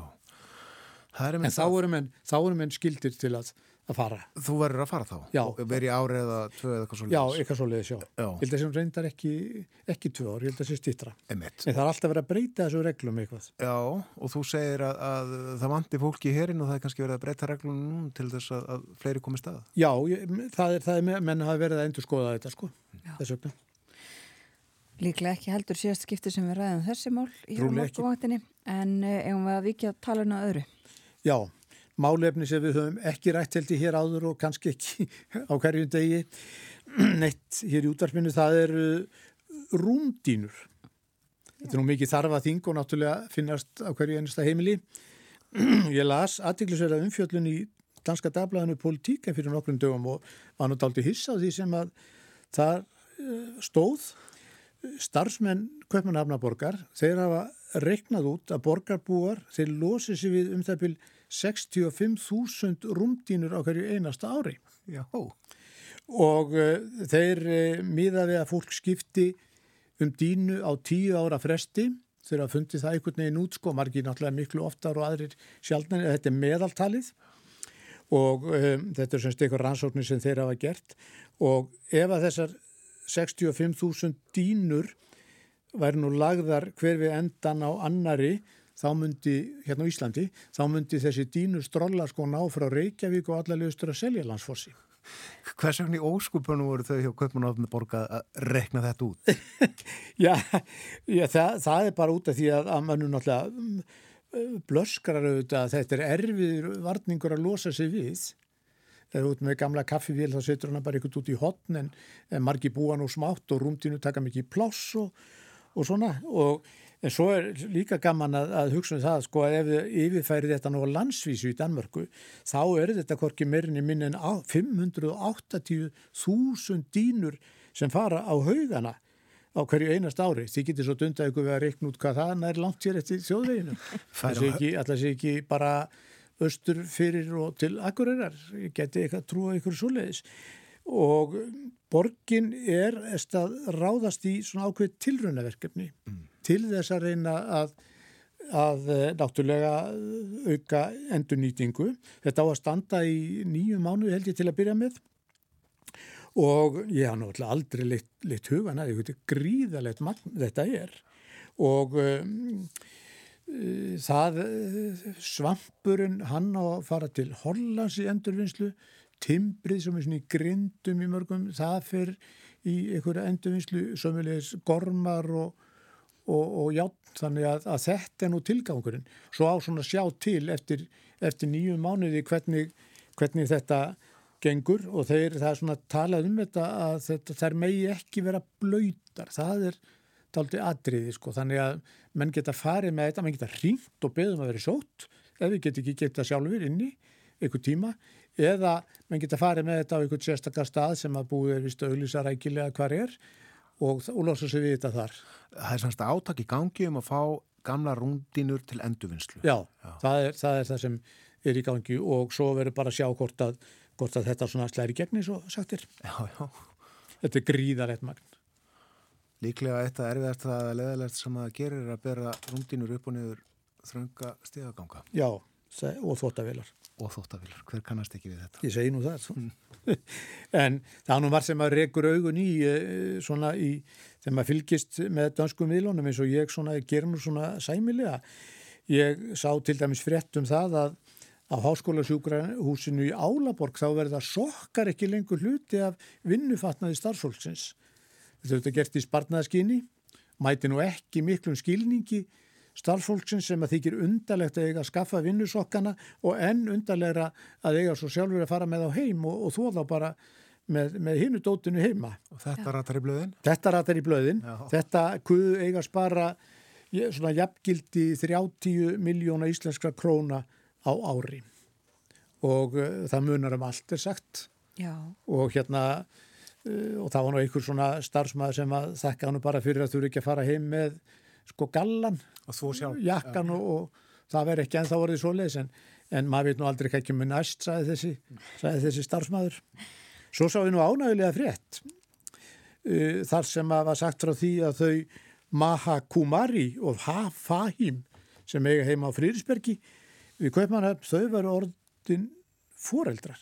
Og afkvæmi var ekki neinn smá smíði næstum 90 kíló. Þetta var sem sagt fílskálfur þarna var að koma í heimin og það þykir mikill viðburður þegar nýtt afkvæmi bætist í fílafjölskylduna í dýragarðinum ég sá langt myndband mjög skemmtilegt þar sem að er fylst sko með fæðingunni og sem að tók nú drúa stund og það var mjög gaman að sjá fullortnu fílana sem voru að fylgjast með. Þetta hefur oftir sagt að séu nú, ba séu nú bara eins og holgeri ljósmæður í alltaf í kringum þessar sem er að fæða og það var svo sannlega þarna snúast í kringum mömmuna og, og svo kálfin og líka komið vekk fyrir að aðrir ungir fílar sem eru þarna uh, og að, að þeir fari eitthvað að skipta sér af Akkurat. þeir, þeir eru alveg vísið til þess Allt ungviðið eru þetta og óskaplega sætt og, og líka 90 kíló á fílsungar. Já, já, já, já. Svo get ég nú svona bætti við að alveg óviðkomandi í fílónum að á morgun, hlaupastægin, þá kemur kvennablaði Femina út í síðasta skipti á prenti. Blaðið er elsta vikublað í Danmörku, hefur komið út í 150 ár og upphaflega eins konar prjóna uppskriftablað var það lengi vel en er nú allt öðruvís í dag og, og nú verður það sem sagt framvegis bara á netinu. Eitt af dönsku blöðunum eða ekki? Eitt af dönsku blöðunum, jú. Ekki eins þekkt og ég með og Family Journal og, en, en eiga síður eh, mjög þekkt. Já. Martu verið prjónað þar upp úr. Er En til merkir sem að, að tímanir eru breytir. já, já, já, já, já, já. Þakkaði fyrir þessa yfirferð Borgþór Argrímsson uh, og lag, þú, þú, þú ert með lag. Já, það er uh, í dag eftir Karsten Valentino Jönsen, eins og, hann- já, Sífi Jönsen eins og hann er nú kallaður. Það heitir Miðelmanns bunker og kom út á stórri plötu 1980 sem var mjög vinsæl og Karsten Valentín eins og hann heitir, hann er nú einn af þessum stærstu í danskri dægutónlist. Þetta er hressilegt eða ekki? Þetta er mjög hræsilegt. Takk fyrir í dag. Takk sem leiðis.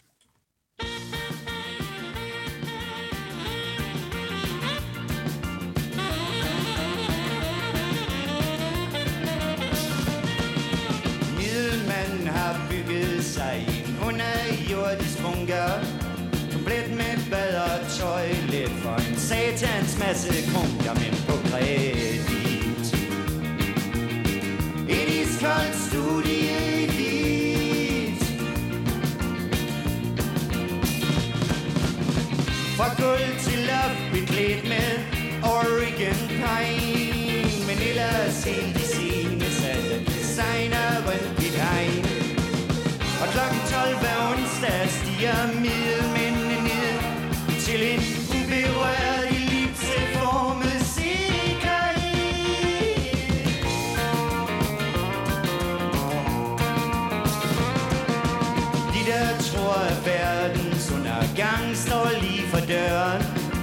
Forskanser sig i skønne hjem. Med hustru, hun og børn til en stille død.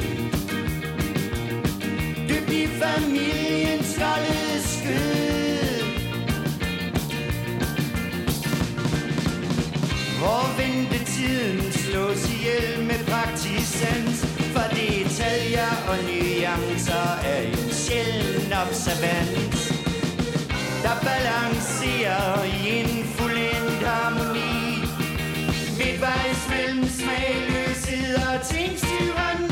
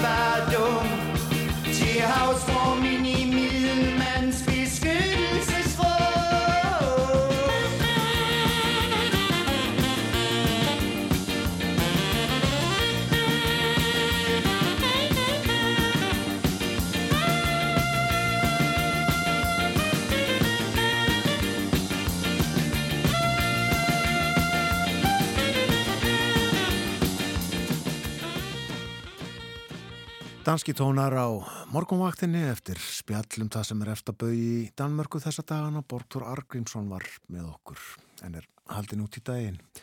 Framöndan auðlýsingar og frettaðeflitt og svo lífið og tilveran og helstu málefni í ásarreppi.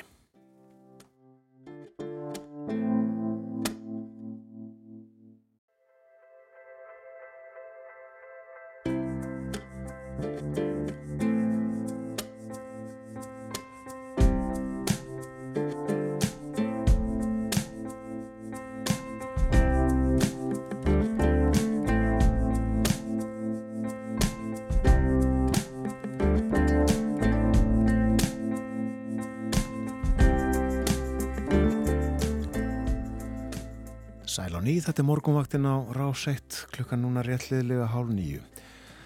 Verður þungbúið á landinu í dag, það er svona megin reglan sínist okkur og uh, má báast við uh, snjókomu, einhverri snjókomu sumstaðar. Vindræðin svona að uh, 13 metrum, eitthvað svoleiðis og uh, það verður svalt, uh, 12 steg frost það sem kaldast verður en uh, svo sem frá frostmarki kannski eins, tveggja, þryggja stega frost sumstaðar og það verður kallt á landinu næstu daga uh, 13-14 stega frost. Áfram kallt í veðri segir í spáni fyrir lögadag og á sunnudag þá dregur til tíðinda, þá dregur aðeins úr frostinu. Og uh, mun svo hlína eftir helgina. Veður horfður næstu daga í mjög grófun dráttum á þessu sinni Og við snúum okkur að síðasta máli dagsins í dag hjá okkur hér á morgunvaktinni. Kosið var um saminningu fimm sveitafélaga á Suðurlandi með fram síðustu alþingiskostningum haustið 2021. Þá var lagt til að samina Ásarrepp, Rangárþing Ytra, Rangárþing Eistra, Mýrdalsrepp og Skaftarrepp. Ef afhefði orðið hefði þið saminaða sveitafélaga orðið það viðfemast á landinu náði yfir 16% landsins alls. Fjögur af þessum fimm sveitafélögum samþyktu tillöguna en í því minsta ásarreppi var henni afgerandi hafnað. Nú hefur repsnemdin í ásarreppi hins vegar samþykt að óskæfti því að eiga fund með sveitastjórnum í Rangárvallasíslu, það er að segja Rangárþingi Ytra og Rangárþingi Eistra til að ræða möguleika á saminningu sveitafélagana. Þetta er sagt, fundur áður en tekið mörður ákverðunum formlegar samningaverðar og við ætlum að ræðum Þetta og lífið og tilvöruna í Ásarheppi næstu mínúturnar í símanum er sveitastjórin í Ásarheppi Valtýr Valtísson. Heil og sæl og góðan dag. Já, góðan daginn. Að því við vorum nú að fara hérna með veðurhorfurnar þá spyrjum við líka þig hvernig er veðrið hjá okkur í Ásarheppi í dag? Já, það viðra nú alltaf vel á okkur í Ásarheppi en Já. það er jú svona mjög svipað og var líst hér í áðan að það er, já, svona frekar hægur vindur fimmstiða frost og skýjað. Þannig að það er ekki takt að kvarti við því að reyka nefið út í þennan morgunin. Nei, einmitt, það var gott. En Valtýr, byrjum aðeins á bara fyrir uh, fólk sem er kannski ekki kunnugt svæðinu, átt að sé ekki alveg á því hvar ásarheppur er. Staðsetjum okkur aðeins, hvar liggja mörg ásarhepps? Mörg ásarhepps til vesturs liggur með þjófsá. Þannig að þetta er það sveitarfélagar ekkir er austur í sveitir ekið yfir þjórsá og þá er ekið inn í ásarheppin. Í, í, svona í norðri, austri og söðri liggur, uh, liggja mörg sveitarfélagsins að rangafingi ytra. Mm -hmm. En uh, svo er náttúrulega holtamann afréttur í, í stjórnsýslu umdæmi ásarhepp sem er hérna þá inn á afrétti. Já, einmitt og, og er svona töluvert frá Já, það, það liggur náttúrulega rángáðum getur á milli. Já. Bæði, bæði sagt, sveitarfélagið og svo, landmann afréttur áður en komið inn í holtamann afrétt. Já, einmitt. Það liggur svo mörgin náttúrulega til Norðurlands. Já, Nýjadal. akkurat. Og uh, tölum aðeins um þessi málemi, þú nefnir uh, þessi sveitafélag sem að liggja þarna að, um, sko það er stefna stjórnvalda í landinu þetta lámars íbúa fjöldi sveitafélaga ég verði þúsund íbúar á næstu árum. Um, er það fyrst og fremst af þessum sökum sem að repsnefndin ákveður þetta núna að, sem ég nefndi í engangi að óska eftir fundum? Um, viljið bara vera tímanlega í þessu? Já, það má segja að fjórðarkreið sveitastjórnarlaga sé náttúrulega svona tryggurinn í þessu öllu saman. E, þó svo ásarreppin í sjálf og sér e, svona fjárhagslega getur það alveg gengið upp sko og, og eh, svona þó kannski slagkrafturinn til einhverja stóra verkefna og, og fjárfestingar sé ekki mikil en e, þá e, verður náttúrulega e, sko verða menn að líta til lagana og þegar lögum er breytt hérna með minni það nú verið 2001 ef ég maður rétt að 2021 að þá var þessari fjórðu grein lagana breytt þannig að þá var sett um síðustu kostningar þessi 250 íbúa lámarkið og, ásarrefnu var nú fjölmennir en það. Það var svona 270 íbúar. Þannig að þetta kjörtífambil Garnósku sem rúlaði áfram og breyti en núna næstu, næstu kostninga 26 að þá breyti þetta viðmið í 1000 íbúa.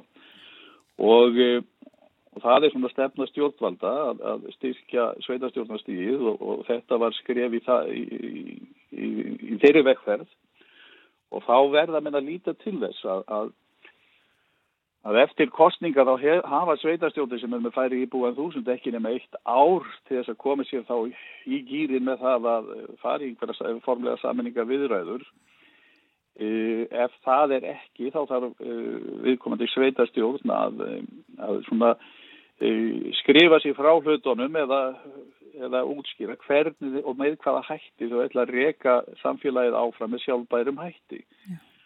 og, og þá er það orðið svona kannski líka matsatriði sko ráðuneytis og, og það er hvort að þetta sé standist þá lauginn því að ráðherra hefur líka heimil til þess að setja reglugjær þar að lútandi. Og uh, þannig að þetta er náttúrulega bara einhver gluggi sem er fyrir framann okkur og, og ég held að við getum ekkert annað heldur en bara hort á það að þetta er orðin lagaleg stefna stjórnvalda og, og okkur ber að taka því alvarlega.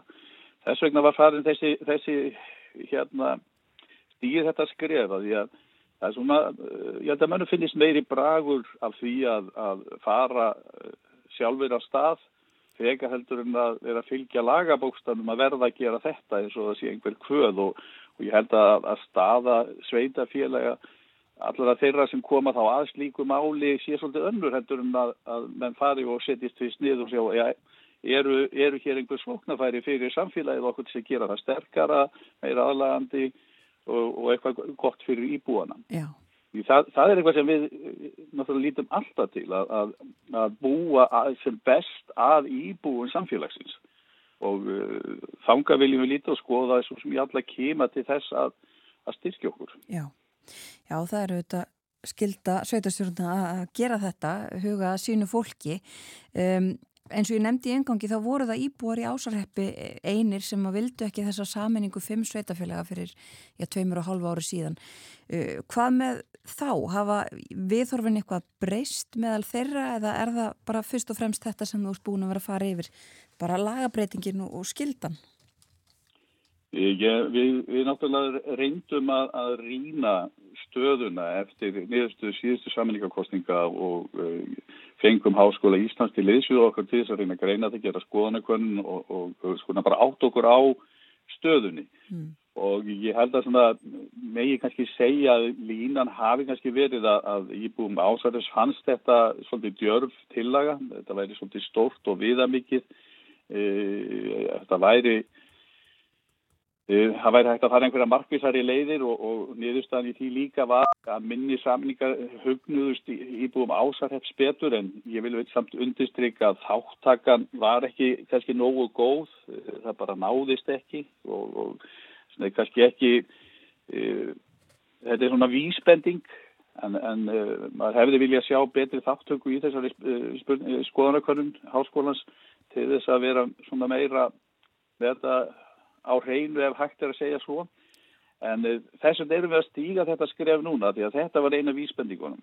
Að, að, að það er að ræða þá við e, sveitafjölunum sem eiga mjög mikið sameilet sem er rangvarðarsvísla uh, það er náttúrulega mikið samstarf uh, ásarefs og rangvarðings ytri gegnum byggðarsamleg og flest öll verkefni hérna ásarefs í þjónustu við íbúa er rekin í gegnum byggðarsamleg og byggðarsamleg sveitarfélagar, þetta er svona ákveðin svona bara framlegging af líðla, svona líðræðislegum eh, stöðu sko líðræðislega kjörina fulltrúa því að þá er bara einhverju fulltrú að setja í stjórn og, og málefnin er ekki beintinn á borði nefnum afgreðslum uh, sko fundagerði að málum sér vísa til aðeldarsveitafélag. Þetta er svona kannski ekki uh, heppilegasta uh, formið í, í rekstu tjónustu sveitafélaga en þetta hefur samt sem náðu gert þessum minni sveitafélagum fært og kleift að sinna þessum verkefnum sem hafa bara verið að þingjast á undanfjörnum áratugum mm -hmm. Og er í raun og veru kannski eina leiðin í mörgu ef við lítum til málefnað fallast fólks þá er það bara allt söðurland undir í byggðarsamlægi. Einmitt. Og, og en flest svona þessi sem í, í nættfjónustunni er í byggðarsamlegum við Rángáþingi ytra og stæst þar er náttúrulega byggðarsamlægið 80 þar sem ásarheftur og Rángáþingi ytra reyka saman tvo grunnskóla og tvo leikskóla, leikskóla og grunnskóla sveitafélagana í sameilegu byggðarsamlægin og, og uh, það er náttúrulega, má segja kannski fer stæsti hluti sko skattekna sveitafélagin í gegnum það byggðarsamlæg og í rekstu skólanu sem er uh, svona gull ekkið, fjör egg samfélagana Já. En svo náttúrulega erum við með líka byggðarsamlega við í Rángarþingi eistra og má það nefna til dæmis eins og sorphyrðan, við erum með tónlistaskóla, við erum með hérna skóarsafn og hérastnefndin og allt það. Þannig að það er mjög mörg verkefni líka sem er á síslugrundveldu. Það voru kannski ekki alveg eins mörg þegar við litum til vestur skaftafellsíslu þó svo að það séu líka stór verkefni eins og félags- og skólafjónustan og skóasafnið einnig. Uh, þá eh, erum við náttúrulega í verkefnum þar og svo þessum stærri verkefnum eins og bergreisanum sem er, er eh, nálefni fallast. Já. Þannig að auðvitað er þetta, en, en við sjáum að þarna erum við að fylgja samt sem að er línu sem íbúar ásæðhef settu að við fannst þetta svolítið eh, viðamikil og stór tillaga, menn við hefði viljað sjá þetta einhvern veginn smæri skrefum. En nú taka menn samtalið og það er mjög nöðsynlegt að menn átti sjá því að við erum að opna þarna samtalið uh, til að sjá hvaða möguleikar eru í stöðinni, hvaða sóknarfæri, hverjar eru áskorunarnar og þegar við erum kannski svona farin að, að, uh, stilla þessu eitthvað upp, þá viljum við eiga einmitt samtali við íbúa ásarhefs á íbúaföndum. Já, einmitt. Til, til þess að bara geta kynnt þetta eru svona kannski í grófum dráttum þessar hugmyndir og ef mann er líst á það, þá náttúrulega bara farið í málið og, og, og unnin einhver tillaga sem verður síðan þá kannski að formleiri til og lokin. Akkurat. Og menn er svona stefna því fyrir næstu kostningar. Er allavega þetta líki fyrir. Já, þið takið það fram með að þetta er bara óskæftir fundum og þið ætlið að ræða við íbúana áður en að verður farið í einhverja svona formlegar sammenningar viðræður. En hafið þið fengið einhver viðbröð frá uh, þessum uh, sveitafélögum þar það nálat ykkur, Rángarþingi, Ytra og Eistra? Já, já, við, við erum búin að fá, uh, það verður haldinn fundur núna, ef ég maður það rétt, 12. mars, þannig að við erum bara, við ætlum alveg að setjast niður og ræða málinn og, og, og, og sjá bara hvert það leiðir okkur. Mm. En, en ég er nú, er bara vonast til þess að þetta verði tekið bara jákvægt og við setjum bara ákveðna vinnu í gang til þess að reyna átt okkur á, á þeim flötum sem við þurfum að hafa svolítið svona, já, bara fókusin á. Já, einmitt. Sko, það var orðið margar saminningar uh, sveitafélag á undanförnum árum og áratugum. Er ásarheppur enn uh, ósaminaður eða, eða óbreyttur uh, frá bara fornu fari? Nei, þetta er náttúrulega gömul saga, sko. Hér í Ránkvæða sís, síslu hérna milli hérna ytri Ránkáð og Þjósa voru tvö sveitafélag, landmannarheppur og holtamannarheppur. Já það var á 19. öll það sem að, að ásarreppur var hún var skipt út úr holtamannarreppi og þá var til ásarreppur og holtarreppur og síðar uh, á, á, hérna, á 20. öldinni að þá uh, er djúbárreppur klofin út úr ásarreppi síðan saminast djúbárreppur aftur mútið ráðgáðarrepp og, og holtalandsveit sem var eftir saminningu landmannarrepps og holtarrepps Þannig, þetta er náttúrulega búið að fara svolítið ringi sko, það er ekki eins og við séum alveg eh, hérna græna eða blöda bak við eirun sem, sem lítur að saminningum og uh, þetta hefur verið verkefni hérna í, í mörg ár uh, og að því maður er nú búin að vera að fylgjast með og verið svona blandaður inn í þessi sveitastjórnumála alveg frá því 1994 mm. hef ég verið að starfin í þessum gera. Og tók einmitt þátt í þessari saminningu Rangóþings ytra á sínum tíma sem sveitastjóri Holt og Landsveitar. Já, að uh, þetta hefur menn hafa verið að horfa á sísluna alla og sísluna í skipta og, og þar fram með göttum þannig að þetta er ekki nei ný umræða hér á þessu svæði saminning sveitarfélag skal ég segja. einmitt. Og þú svo sem búin að fara vel yfir það, svona samstarfið sem að nú þegar er á milli sveitafélaga. Þú nefndir skólana um, og þá langar með að spyrja þig Valtýr um svona aldurskiptinguna hjá ykkur í ásarreppi og eru mörg börn til dæmis í, í skólanum? Já, eh, með svona prósendilega síðan hefði ég að við stöndum bara mjög vel í ásarhefni. Það hefur verið mikil fólksfjölgun og ég hugsa að bara fólksfjölgun síðustu segjum satt fjög, fimm ár sé bara með, með því mesta sem hefur gerist á landinu Já. og uh, sko það var um 260-70 íbúður um síðustu kostningar, við erum með 320 íbúður í dag.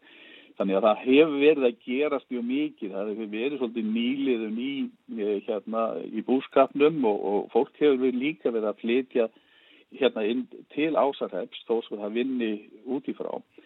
Þannig að, að það hefur bara verið vöxtur í, hérna, í þessu dreifbíla samfélagi. Það er ekki aftiklega því að það er engin þjettbíliskjarni í ásarheppi, þetta er dreifbíli sveitafélagi. Einmitt. Og, og, en, en það sem er ánægilegt að sjá að það er að koma eh, nýtt og, og líka ungt fólk með börn sem er að, að byggja upp uh, jarðir sem voru kannski komna svona í slow mode getum við sagt út af bæði aldri fólks og, spúskapar hafið drifið saman en, en svo kemur ungt fólk og, drifur málinu upp aftur.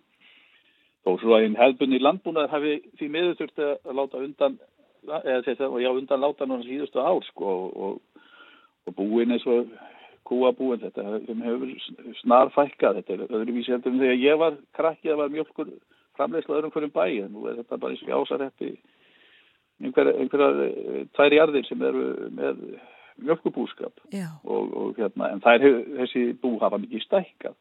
Og svo vitum við alveg hvernig fjárbændur hafa það þetta er nú ekki ekki, ekki beisinn staða hjá uh, söðfjárbændum Nei.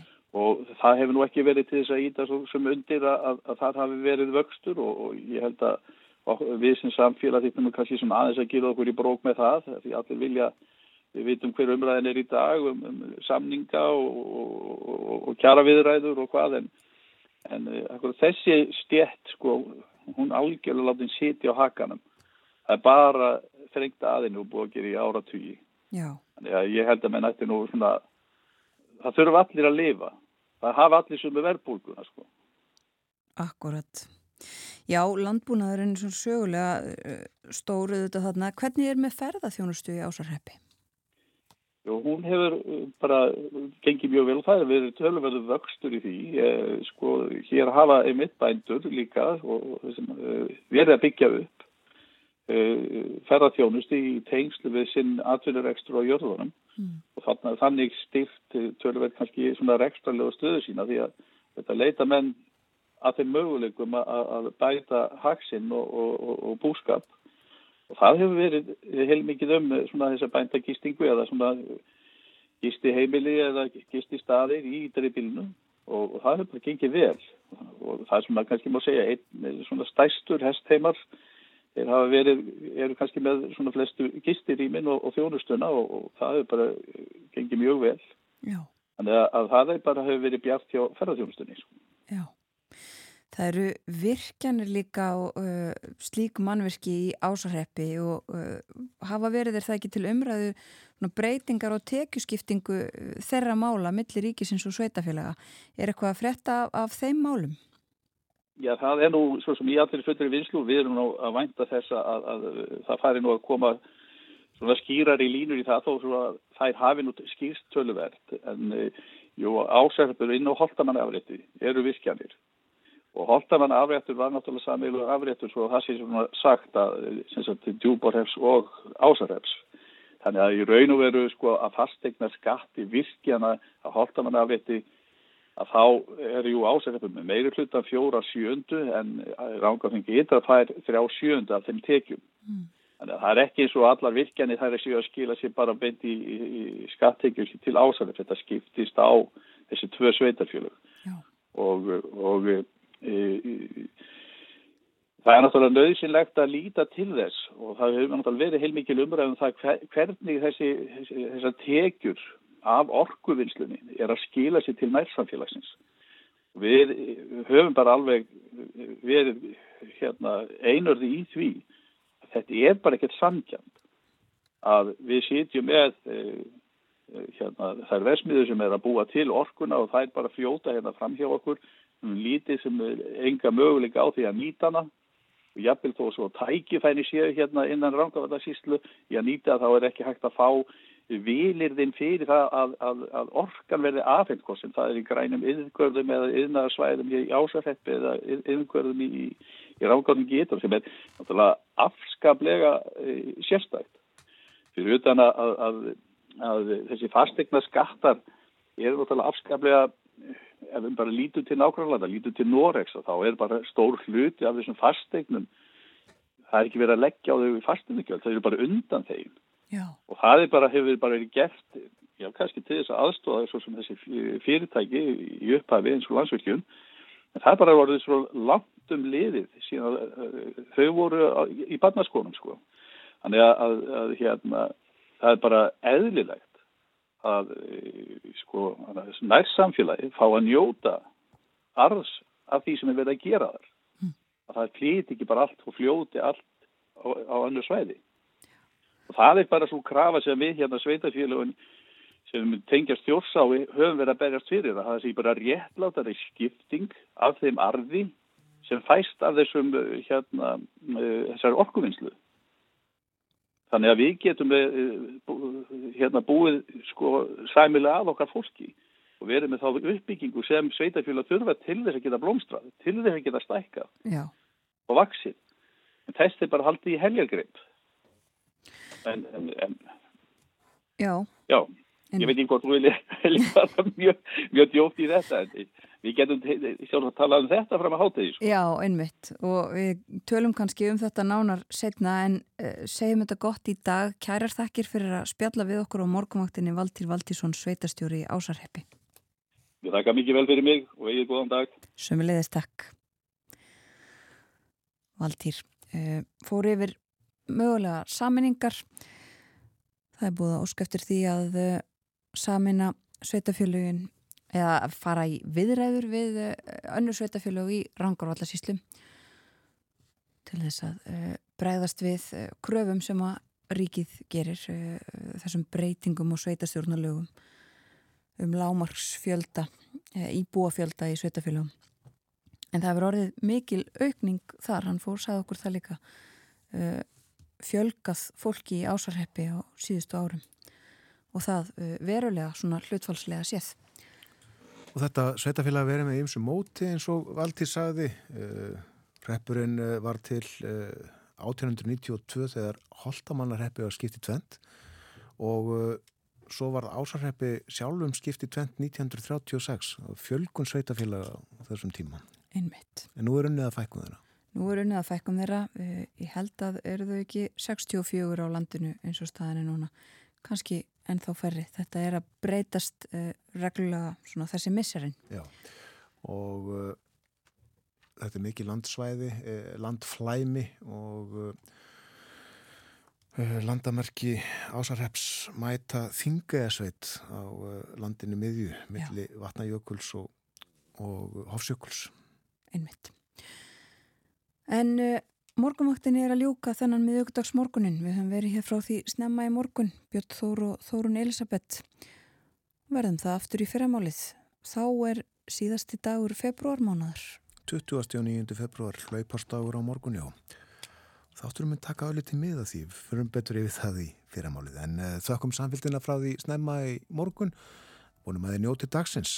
Verðið sæl.